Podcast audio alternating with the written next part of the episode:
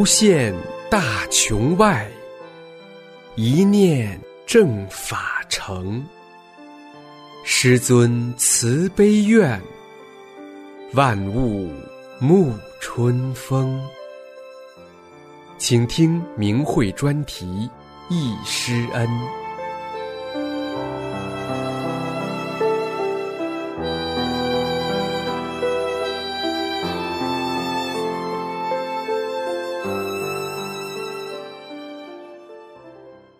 请听明慧易师恩专题文章，题目是《易师傅郴州讲法》。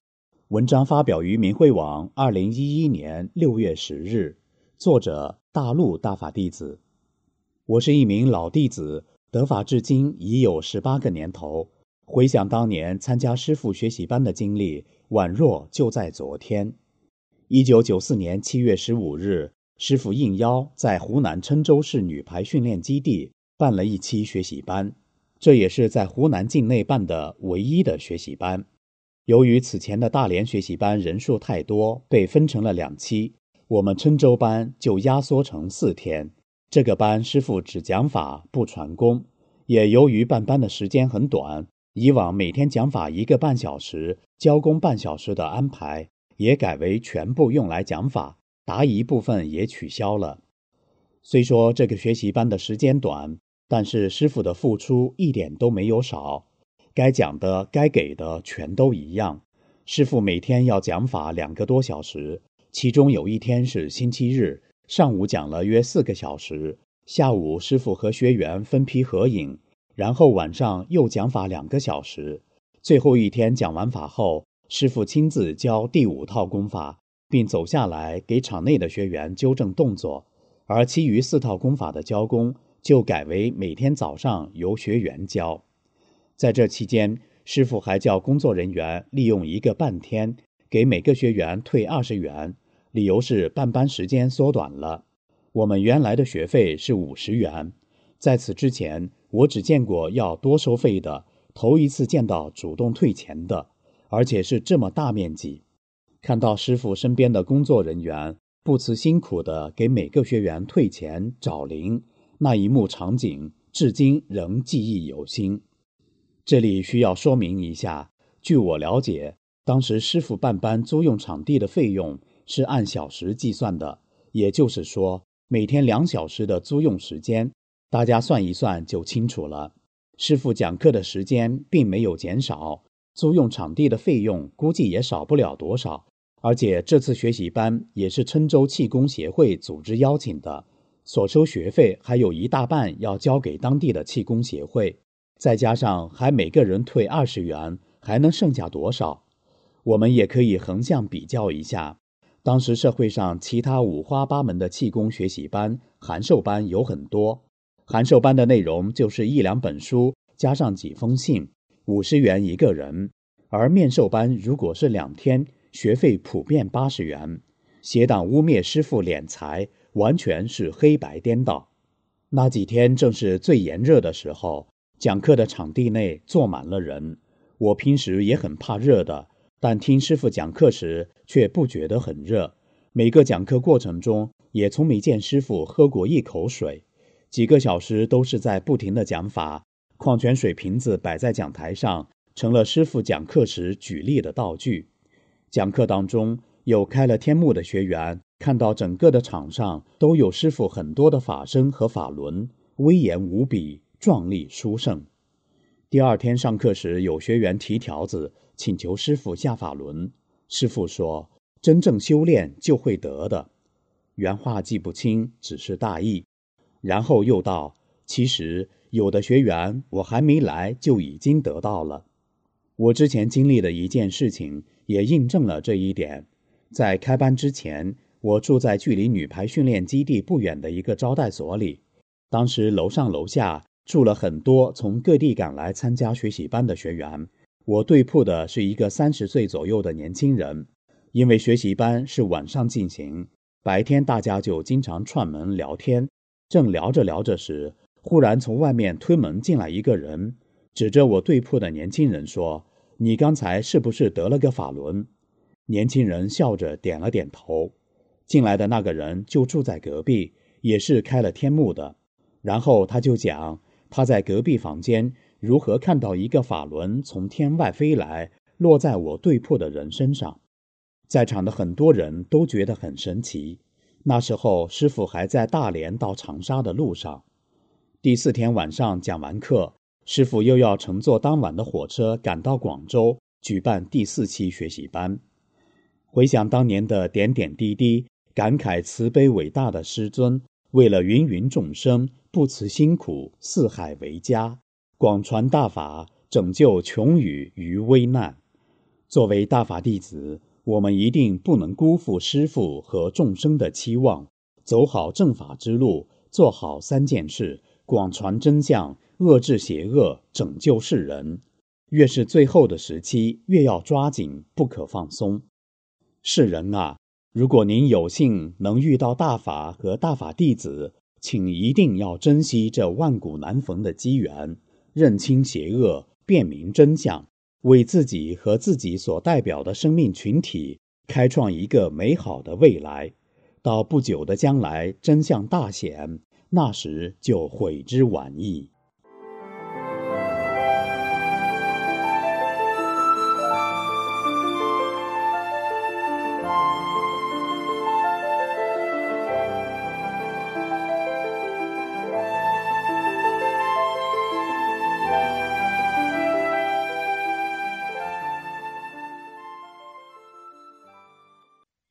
请听明慧易师恩专题文章，题目是“参加李洪志师傅哈尔滨传法班片段”，作者黑龙江法轮功学员。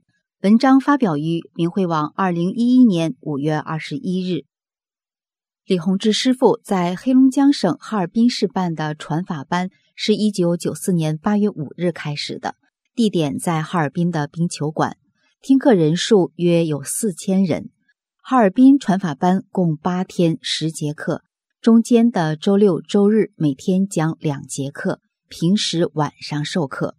当时哈尔滨冰球馆正处于扩建改建期间，哈尔滨市区也在修路修桥，路况很差，总是堵车。但是没有学员因为路况不好而迟到。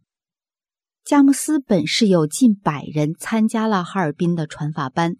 有四五十名学员住在同一个招待所，其中三位同修回忆起了当年传法班的一些片段。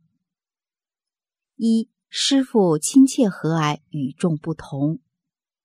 同修甲回忆：我母亲腿一直疼，练了很多其他功法也不见好转，我就请假陪着母亲一起去参加师傅在哈尔滨的传法班，也好照顾她。第一次见到师傅，有一种从来没有过的无以言表的心情，感觉师傅和任何人都不一样。师傅非常高大，非常亲切和蔼，在人群中总有一种与众不同的突出的感觉。以往我受邪党文化影响，对其党魁有一点崇拜，见到师傅后，就觉得那种所谓的崇拜和学员对师傅的崇敬相比。简直不值一提，那真是在以往任何一种场合对任何一个人都没有过的平和的尊敬。我坐在离主席台比较近、师傅左前方的位置。师傅讲课时，会场鸦雀无声，十分安静，学员中没有人说话，大家对师傅都是肃然起敬，这是在任何一个常人会议上都看不到的。讲法班快结束的一天，师傅绕冰球馆场地走一圈。冰球馆可大了，看上去师傅走得不快，可是很快就到了我们前面。这时，师傅停下了，仔细瞅着我们这些学员。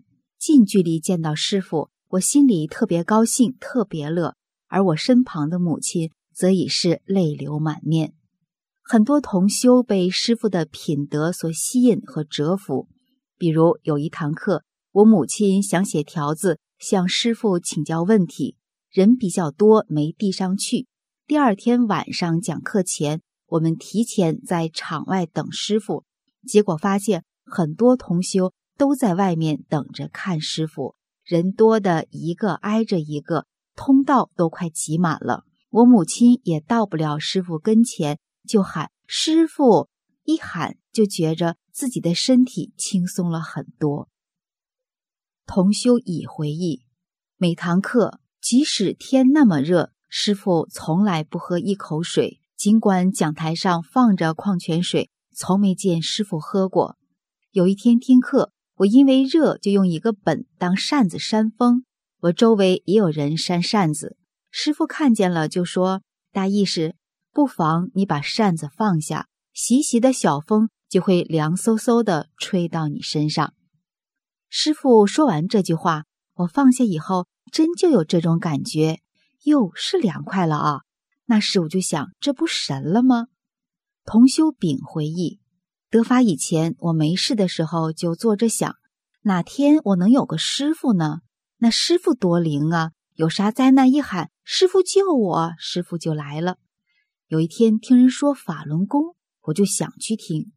后来我正坐在炕上哄孩子，一听说师傅在哈尔滨办班，我一拍大腿，从炕上蹦下来，说：“我可得去，我得做亲传弟子去。”就这么着，我参加了哈尔滨传法班。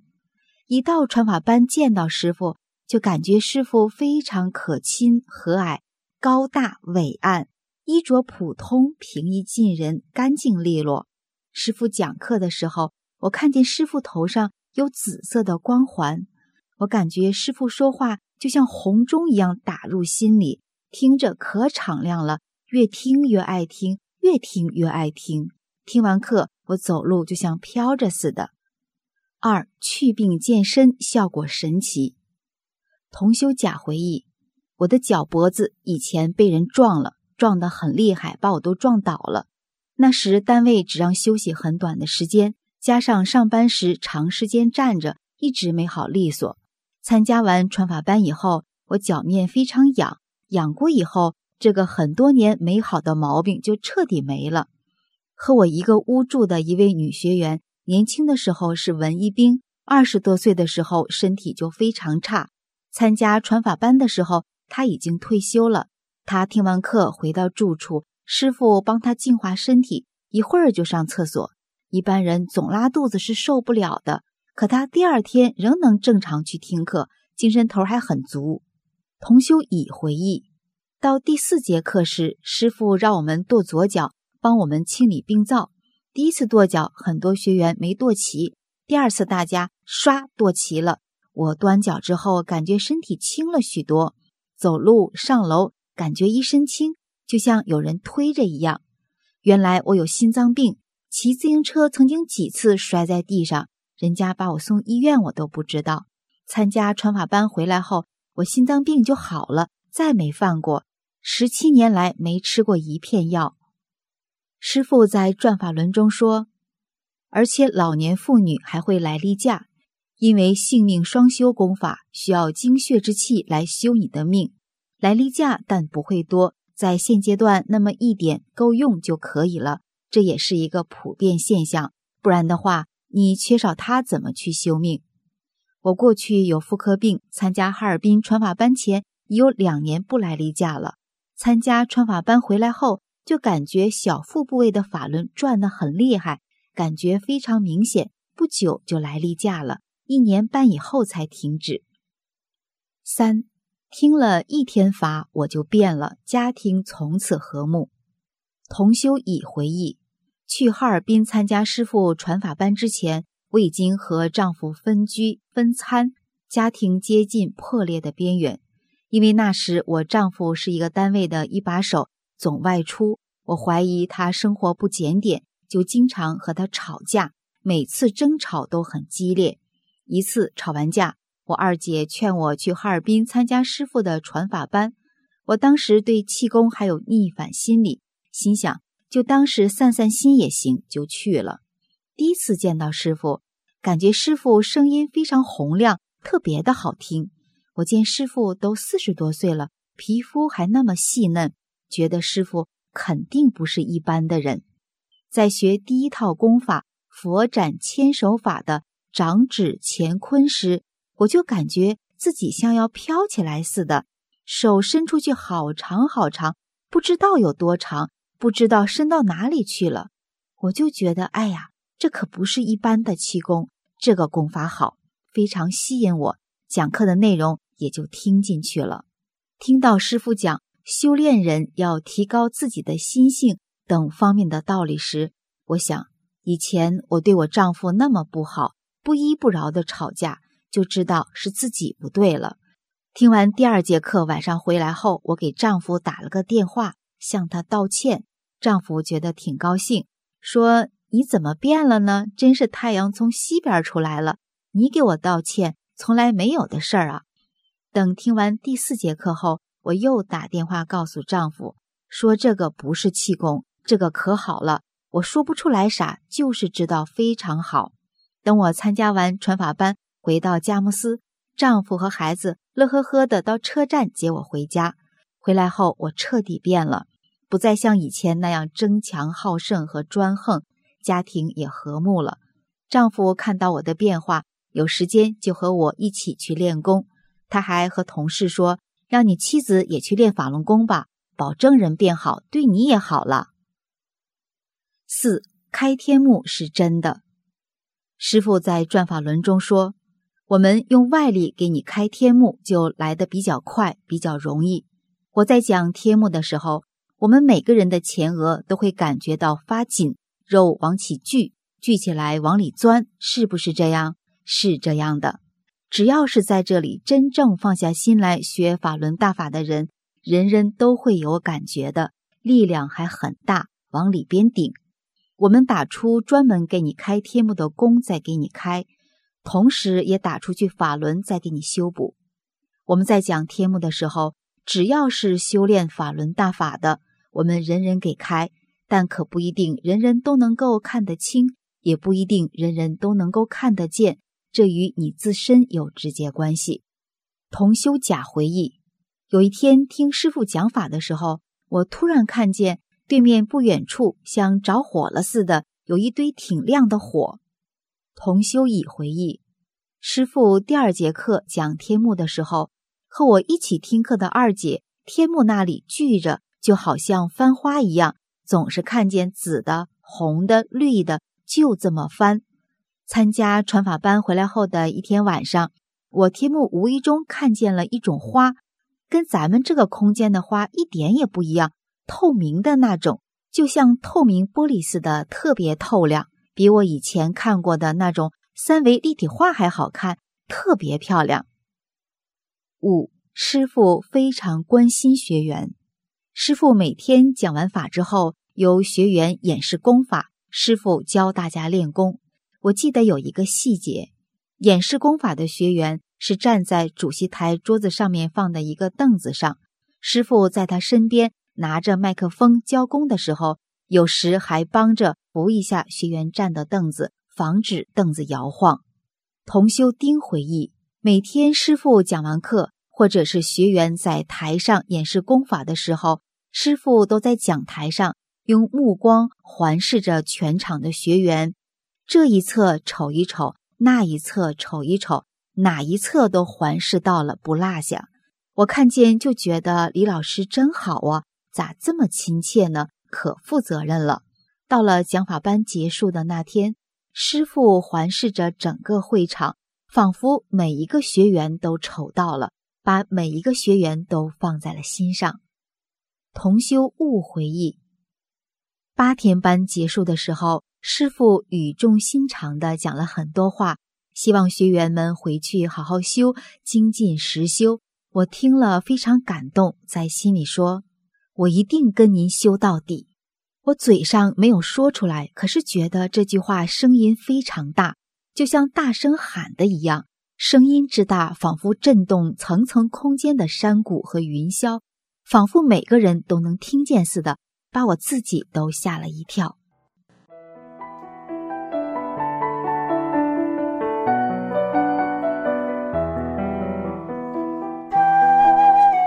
您现在收听的是明慧专题《易师恩》。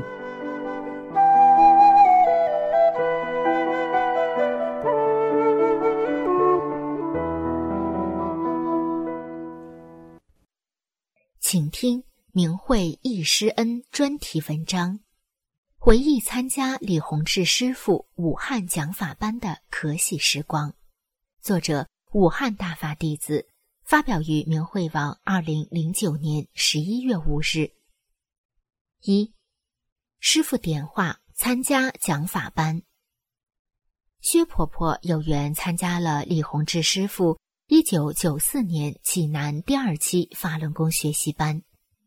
一九九四年六月十七日，薛婆婆梦见李洪志师傅在她床边打莲花掌。薛婆婆之前并没见过师傅，但因为看过《法轮功》一书，书中有师傅照片，她虽不识字，但认得像。之后，薛婆婆又梦见师傅在房门口。六月十九日，薛婆婆的父亲告诉她。师傅要在济南办法轮功学习班，薛婆婆高兴坏了，决定去参加师傅在济南的讲法班。第一次坐火车，济南法轮功讲法班六月二十一日开班，薛婆婆要参加济南班，她一个人从来没有出过这样的远门，没管这么多，拿出一百元钱托学员买了张火车票。六月二十日就上火车了，他一直挤了几节车厢，人山人海的穿过餐厅，找到火车广播员广播，想找到火车上一起去济南参加班的学员，或者自己一个人到了济南，怎么去找学习班呢？当时薛婆婆拿了一本书，睡在她上铺的也是法轮功学员。知道薛婆婆也是去参加学习班的，就对她说：“不要紧，下车等着，有人来接。”清理身体，薛婆婆有青光眼、肾炎、便血、气管炎、类风湿等病，参加济南班一去，师傅就给她净化身体，重病人先行了。师傅的语言，薛婆婆听得懂。二十一日上第一堂课，薛婆婆想吐，头疼。同修出去玩，她没去。第二堂课后又没出去玩，拿着书不识字，薛婆婆就盘腿睡觉。醒来感觉从头到脚像脱了层衣服，扒了层壳。薛婆婆未参加班时爱发脾气，参加班后再也不发了。二。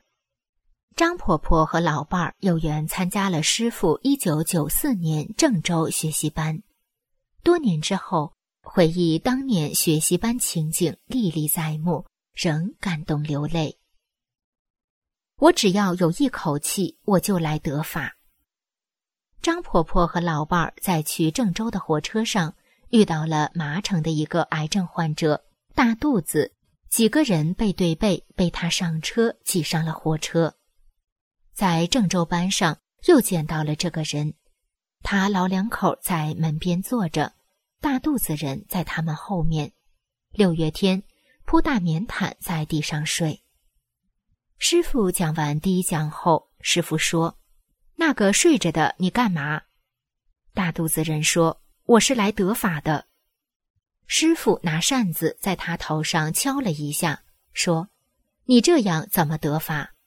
大肚子人说：“我只要有一口气，我就来得法。”师傅说：“你既然来得法，就起来吧。”大肚子人说：“起不来。”师傅说：“起来，起来，没什么起不来。”家人要扶大肚子人起来，师傅要他家人放手。师傅说：“要你放，你就放。”结果家人就放手了。大肚子人站了起来。第二讲之后交工，师傅对大肚子人说：“起来练功，不服让他站着练。”他自己就真的站着练了。下课后，师傅对他说：“你站着干嘛？走吧，不签，跟我走。”他站起来走了。师傅说：“脚跨大点。”结果他走出去了。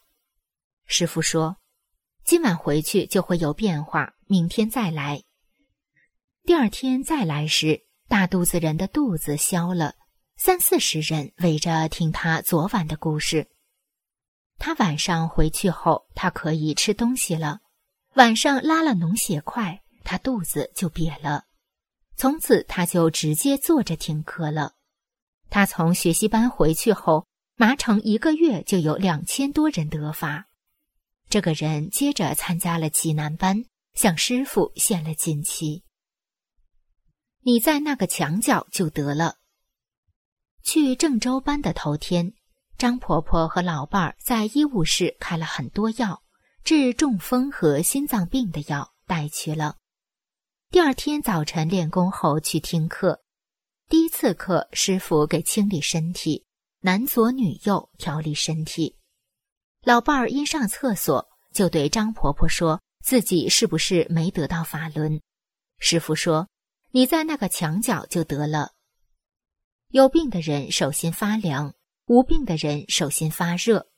老伴儿说：“我手上是凉的。”张婆婆说：“你有病，我是热的。”有老师法身保护吗？你们不会怕。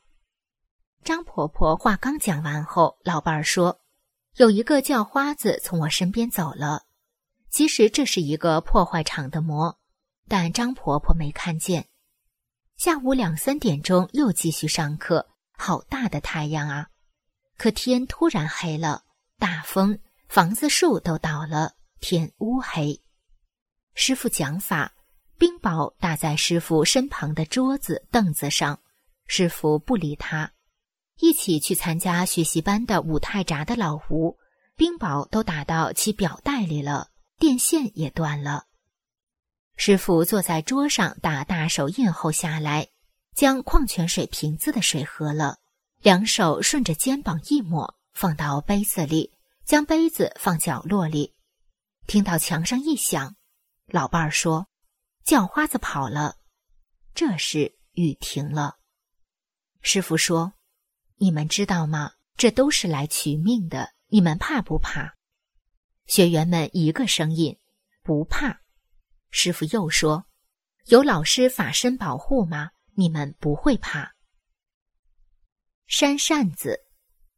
我进会场后，与老伴儿坐在顶上台子上拿扇子摇。师傅说：“你们看到没有？这个场还有扇扇子的，心静自然凉吗？手摇的不热吗？”我老伴儿感到师傅说不扇时，感到一阵凉风。我做了一件对不起师傅的事。在郑州班上，一个婆婆住的寝室的床头下压了一条三角裤，她穿了，她紧接着就心脏疼、头晕。她说：“我做了一件对不起师傅的事。”张婆婆对她说：“赶紧洗了放好，这是属于偷。”他何时哭起来，把裤头洗了晒了。一路走着就好了。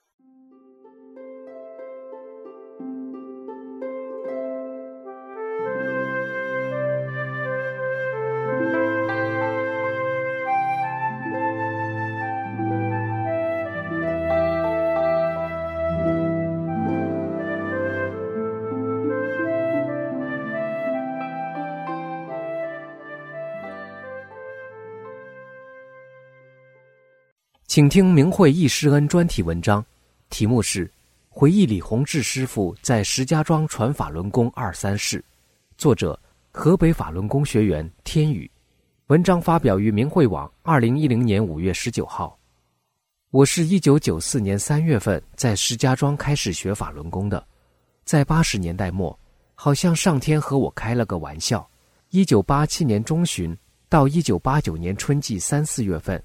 有近两年的时间，我因公事在长春市来来回回住了很长时间，多次路过长春胜利公园，就是没有进去玩过。但去过南湖公园，在文化广场，师傅曾经练功的地方，地质宫门外闲玩过。我这个喜欢练气功的人，在长春市转了多少圈，最终办完公事就回去了，以后再也没有出过远门。现在想起来。好像老天看我和师傅有点缘，就安排我去长春转了几圈，可惜没有碰上师傅。可能是缘分不到吧。那年我五十三岁，在单位跑业务，因工作压力，心脏上出现了问题。我出差常带着药，练着其他气功，病也不见好。我从长春出差回来，因病被安排到铁道门值班，就是铁路上火车来送货时给开货场大门，每班十二个小时，倒班休息。因为我家病人多，生活又困难，父母、兄弟、妻子身体都不太好，所以我学了几门健身功，想带他们练练，但是都没有好效果。一九九四年三月一日，邻居告诉我。法轮功师傅要到石家庄传功来了，这个功很好，我们住的地方又离石家庄不远，我们去吧。第三天，我们三个同事乘汽车来到石家庄军区礼堂，有幸聆听了师傅传功报告。三月三日，开始在棉二礼堂听师傅讲课，在第二堂课，师傅说：“如果谁还想来听课，就快来，太晚了就不好了。”所以我让老伴也乘车来石家庄。从第三堂课也开始参加学习班，也成了法轮功弟子，而且受益匪浅。老伴听了两天课就感到一身轻，骑自行车上坡就感到后面有人推着一样那么轻快，真神了。三月十一日，师傅在石家庄传法结束时和学员合影留念，当时主办单位要请专业照相馆给照相，每人要交二十元钱。师傅听说后立即站起来说。大家谁会照相？我们学员有会照相的，自己照相，结果花了三块钱就行了。当时仅石家庄的学员就有几百名，师傅和每二十个学员一组，不厌其烦的合影留念，真是感到慈父般的温暖。上课时我坐在后面，近一千人的场面，我看不清师傅的面容。这次照相，我看清了师傅高大英俊，一米八的个子，慈祥善良的面容。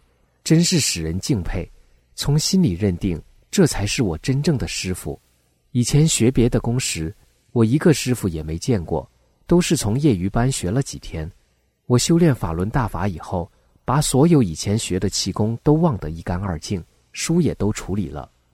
在三月十二日办完班第二天，在家里我开始发高烧了，很难受，体温三十九度多，烧得迷迷糊糊的。当时也不知道是师傅给我消病液，老伴搀着我到小医院输了一瓶液就好了。发烧后不几天，我发现自己的心脏病好了。我真是感谢师傅，师傅的大恩大德，我永世难忘。师傅传法传功班后，记得我们十几个学员为了集体练师傅教给的功法，也为了弘扬大法，在体育广场集体练功。来学功的人越来越多。学别的功的人也开始加入到法轮功的队伍中来了，老学员都遵照师傅的教功要求做，免费义务教功，很多有缘人也都走入了大法修炼中来，身体得到了净化。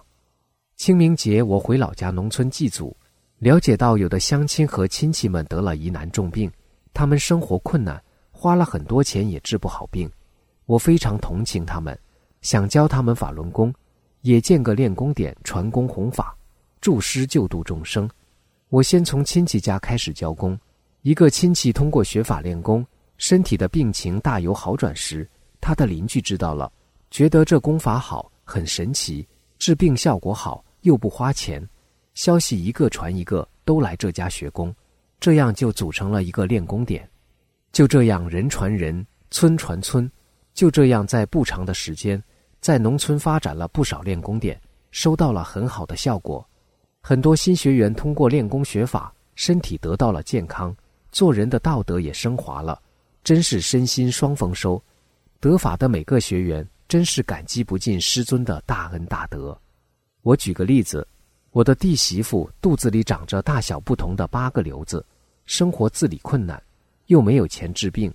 我知道后就教她练功，并把法轮功的书。练功带、师傅的讲法录音带给他，经过他认真的学法练功，半年的时间，大部分的瘤子都消失了，就剩下一个不大点的瘤子还在腹部中间位置。后来经过继续练功也消失了。还有一个表弟得了肝炎，花了很多钱，吃了不少中药西药也治不好，种地的活也不能干了，造成生活很困难，所以我劝他练法轮功。他练法轮功后，病情很快好转，药渐渐停用了，也能干点活了。又经过一年多的练功学法，很快变成了一个能正常生活、能干活的健康人。还有很多这样的例子，如有的学员原来身上都长满癣，一名叫硬皮症，刺痒的痛苦，真是难忍。到过很多专科医院治疗，也用了不少药，花了不少钱，也治不好。练功得法后，在不长时间，身上的癣一扫而光，全好了，真神奇。村里老乡们知道后，都主动到他家学练法轮功，他家就成了一个练功点。还有得半身不遂的病人，拄着拐杖不能自理，得大法后基本和正常人一样生活，可以骑自行车赶集市，往地里送肥。有高血压病、心脏病、腰腿疼等等疾病的常人，只要真心参加练功学法，在不长的时间里，身上的病一定会好转或者完全康复。在这里，我代表我们练功点兼修大法的弟子向师傅问好。感谢伟大慈悲的师傅救度之恩。修炼法轮功初期，师傅呵护弟子的神奇故事。一九九五年，有一天我在铁道门值夜班，到深夜两点，车站也没有来电话通知送货。等我听到火车鸣叫声后，火车已经快开到大门口了。我急忙去开大铁门。当我跑到大铁门跟前时，我惊呆了，铁门已经打开了。门开的宽度和铁道一样宽，我急忙把铁门开到最大。这时火车已到门口，直开了进来，直到货位停下。事后我想，这门是谁替我开的？开门的钥匙只有我自己拿着，铁锁很大，开锁的时候有声音，上下的铁插销开的时候声音很大，怎么我没有听见呢？由于悟性差，一个奇怪就挡住了。又过了一个星期。又轮我值夜班，深夜一点多钟，铁路货场又没来电话通知送货。门外二十米外一声火车鸣笛，又催我开门。当时我想，这次不会有人替我开门了吧？结果一看，铁门没有开，但门上的大铁锁已经打开了。这次我悟到，这是师傅法身帮我开的锁。我真是从内心里感谢师傅的呵护。从此，我特别注意时间，再也没有耽误过开门。还有一件事，一九九五年十月，我到农村练功点去看望同修。当时大家在院子里练完功后，我这儿有师傅的讲法录音带，我们就听师傅在济南的讲法。里间屋有电插座，十几个学员到里间屋去听法，我在外屋坐着。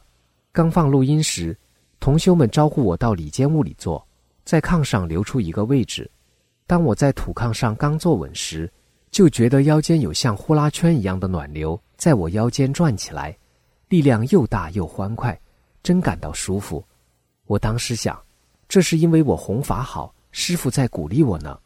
第二天我又到另外一个练功点，那天是早上，在我表弟家，他们就让我吃早饭。当我端上香喷喷的玉米粥时，正想喝一口，猛然看到黄黄的粥碗里有个彩色法轮在转，有绿豆那么大。很清楚真切，我非常高兴。从那时起，我的右眼睛随时都可以看到法轮，特别是白天，向天空望去，就有三个彩色法轮不定位的在一起出现，上上下下动着，还有很多无色的法轮衬托着。其中一个大的彩色法轮最清楚，五光十色，非常漂亮。神奇的法轮显现，每天陪伴着我，鼓励着我。促使我要精进实修到圆满。以上是我个人初期修炼弘法的点滴过程，也是中国大陆大法弟子在个人修炼初期的写实。现在回忆起来，也感到很欣慰，很幸运。